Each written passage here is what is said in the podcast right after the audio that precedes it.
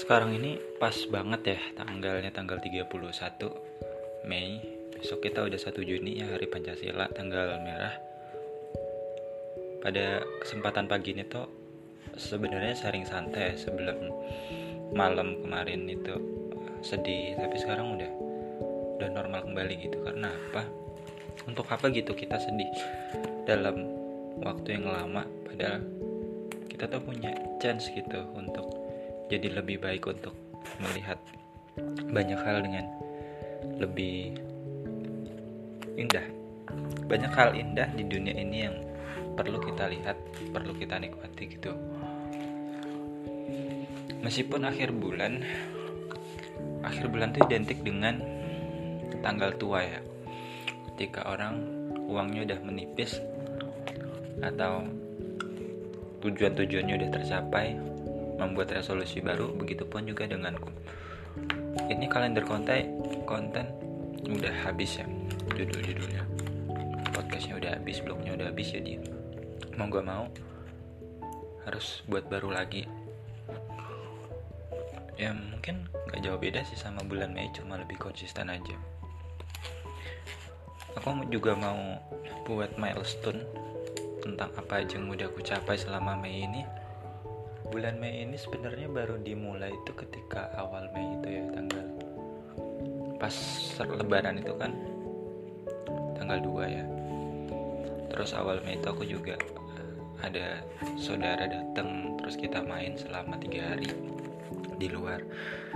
Baru Jumatnya tanggal 6 atau tanggal 6 ya tanggal 6 Mei pulang ke sini. Itu cuma seminggu sih di sini terus balik lagi. Nggak karena nggak punya uang. Dan itu pertama kali aku naik bis ya. Naik bis untuk pulang. Harganya lumayan murah sih ya. 20.000 sama jajan 10.000 di rumah itu sekitar seminggu lebih dan baru pulang Selasa kemarin.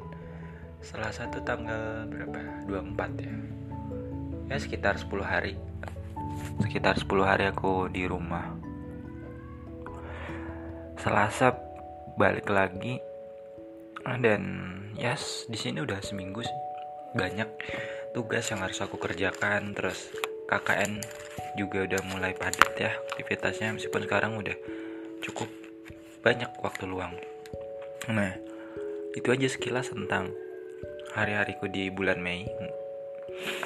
Bisa dibilang bulan Mei ini bulan healing ya, maksudnya penyembuhan banyak hal. Aku harap bulan Juni nanti bakal bisa lebih baik dan penuh inspirasi. Begitu lah dengan teman-teman sebenarnya kita udah bertahan sampai detik sekarang tuh udah bagus loh terlepas dari apa pun yang pernah kita alami selama ini sebelumnya terserah kita punya masa lalu yang buruk atau kita punya impian apa pun. Yang penting kita harus tetap bertahan sih. Sesulit apa pun keadaan. Yang penting tuh kalau orang mau eksis ya itu dia masih mau hidup. Dia masih mau bertahan hidup. Dia mau miskin dia mau kaya mau apa. Menurut itu kan selain apa ya selain usahanya dia untuk sejahtera ya mungkin ada kesempatan keadaan yang menimpanya gitu. Setiap orangnya aku pelajari itu mereka tuh punya kisah pahitnya masing-masing. Antara kisah sedih kisah seneng. Nggak ada yang beda. Cuma ya bedanya tuh waktunya mereka menerima dan bagaimana mereka merespon. Itu membedakan antara manusia satu dengan yang lainnya dan pas banget kemarin aku ngobrol ya sama teman perempuan tentang DO gimana? Ada rencana buat DO dia bilang enggak sih.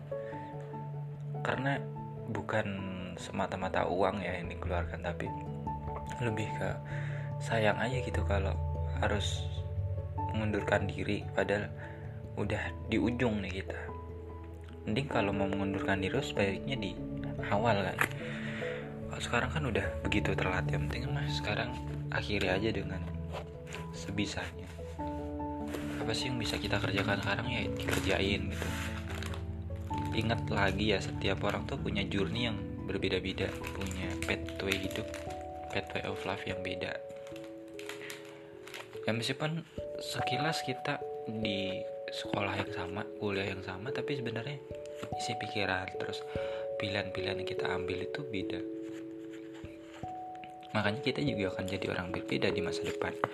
Ada yang jadi dokter ada yang jadi petani jadi pengusaha. Itu kan pilihan kita di zaman dulu. Kalau kita milih untuk apa ya pengangguran sekarang dengan dalih kebebasan ya selamanya kan jadi pengangguran gitu tanpa ada kerja yang tetap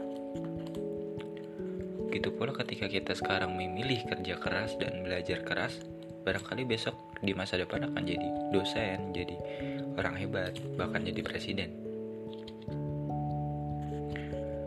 Dan untuk kebiasaan-kebiasaan sukses yang orang alami itu sebenarnya random ya, artinya nggak ada patokan khusus hal apa yang harus dilakukan buat jadi sukses karena sukses tuh standarnya beda-beda. Setiap orang ada yang standarnya cantik dikenal orang banyak. Ada juga sukses tuh nerbitin jurnal nulis buku macam-macam kan sukses. Tergantung dia lihat sukses itu dari mana. Intinya sukses tuh seperti sebuah pola sesuatu anugerah yang nikmat ya dan itu dicapai dengan kerja keras dengan usaha gitu. Itu polanya yang dipegang misalnya kalau kita mau jadi penulis buku yang sukses ya habit-habit kita kebiasaan kita ya nulis setiap hari 100 kata misalkan per hari. Gitu. Ya mustahil kalau kita ingin jadi penulis yang sukses tapi kita malah banyak mainnya itu kan. Salah arah gitu. Ibarat kalau kita mau pergi ke suatu tujuan meskipun tujuan kita jelas tapi kalau cara kita salah ya mungkin akan sampai tujuan tapi berbelit-belit dulu gitu. Harus muter jalan harus tersesat baru sampai. Itu meskipun kita punya kompas tapi kalau kita nggak punya tekad untuk mengarungi perjalanan itu ya kita juga nggak akan sampai. Meskipun kita mau mengarungi tapi kalau kita nggak konsisten dan bertahan ketika ada masalah di tengah jalan mungkin kita akan balik. Kita akan mundur gitu loh. Jadi apa yang membuat kita sukses terlebih di akhir bulan ini ya identik dengan kesuksesan-kesuksesan yang udah dicapai. Besok kita udah ganti bulan. Kita udah ganti hari, hari Rabu, bulan Juni. Baru kan? Ya menurut itu kembali kepada setiap orang ya. Dia mau mencapai apa? Kegiatan apa yang mau dia lakukan? Dia mau percaya Tuhan atau enggak? mau hidup atau enggak itu kan pilihan menurutku. Cukup tragis kalimatnya tapi memang gitu faktanya. Bukan orang zaman sekarang itu nggak peduli satu sama lain peduli. Cuman setiap orang itu kan punya kesibukan ya. Kesibukan masing-masing impian masing-masing yang harus diperjuangkan. Jadi waktu untuk orang lain tuh sangat sedikit dibanding diri sendiri